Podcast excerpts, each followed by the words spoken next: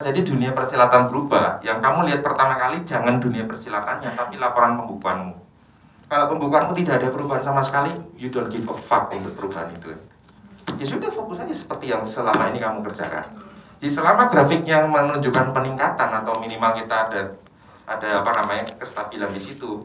Orang lain ngomong tuh nih disrupsi, disrupsi, disrupsi, efek covid. Ya kamu lihat pembukuan baik-baik saja, ngapain kamu gonta ganti kan? Don't change the winning team kan? Itu saja sih sebetulnya sih. Kalau perkara orang lain nyungsep terus ganti itu ya berarti salahnya dia kenapa di awal nggak mendefinisikan kelebihannya dia dengan baik. Maka dia harus mengganti-ganti itu ketika ada perubahan sedikit dalam parameter tersebut.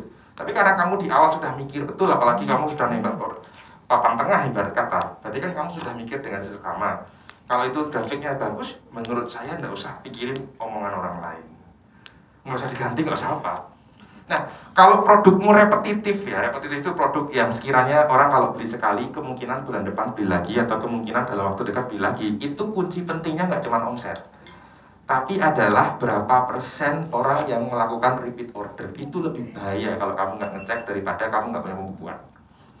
Nggak punya pembukuan masih bisa dimaafkan dalam kasus itu, tapi kalau nggak ngerti berapa repeat order rate-nya, itu biasa saya goblok-goblokin sama nangis karena itu mengerikan. Repeat order kok nggak ngecek uh, bisnis yang repetitif kok nggak ngecek repeat order?